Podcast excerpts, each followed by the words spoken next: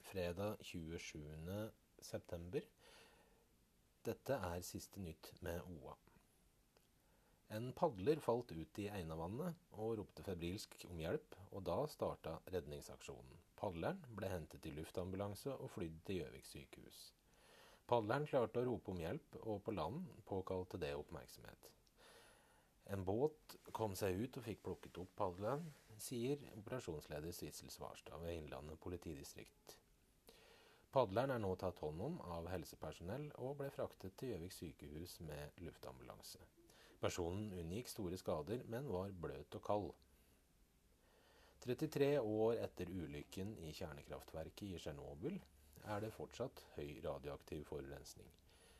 I år har vi målt 4000 becquerel per kilo sau i Valdres på det meste, opplyser seniorinspektør Jorunn Elise Veplen ved Mattilsynets Leirakontor. Det er seks-sju ganger så mye som de tillate grenseverdiene på 600 becquerel per kilo.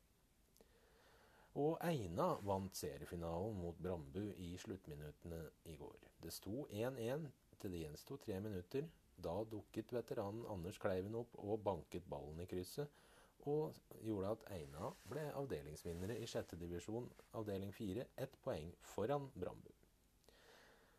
Mattilsynets kartlegging tyder på at den ukjente hundesykdommen ikke lenger smitt, ikke smitter lett mellom hunder.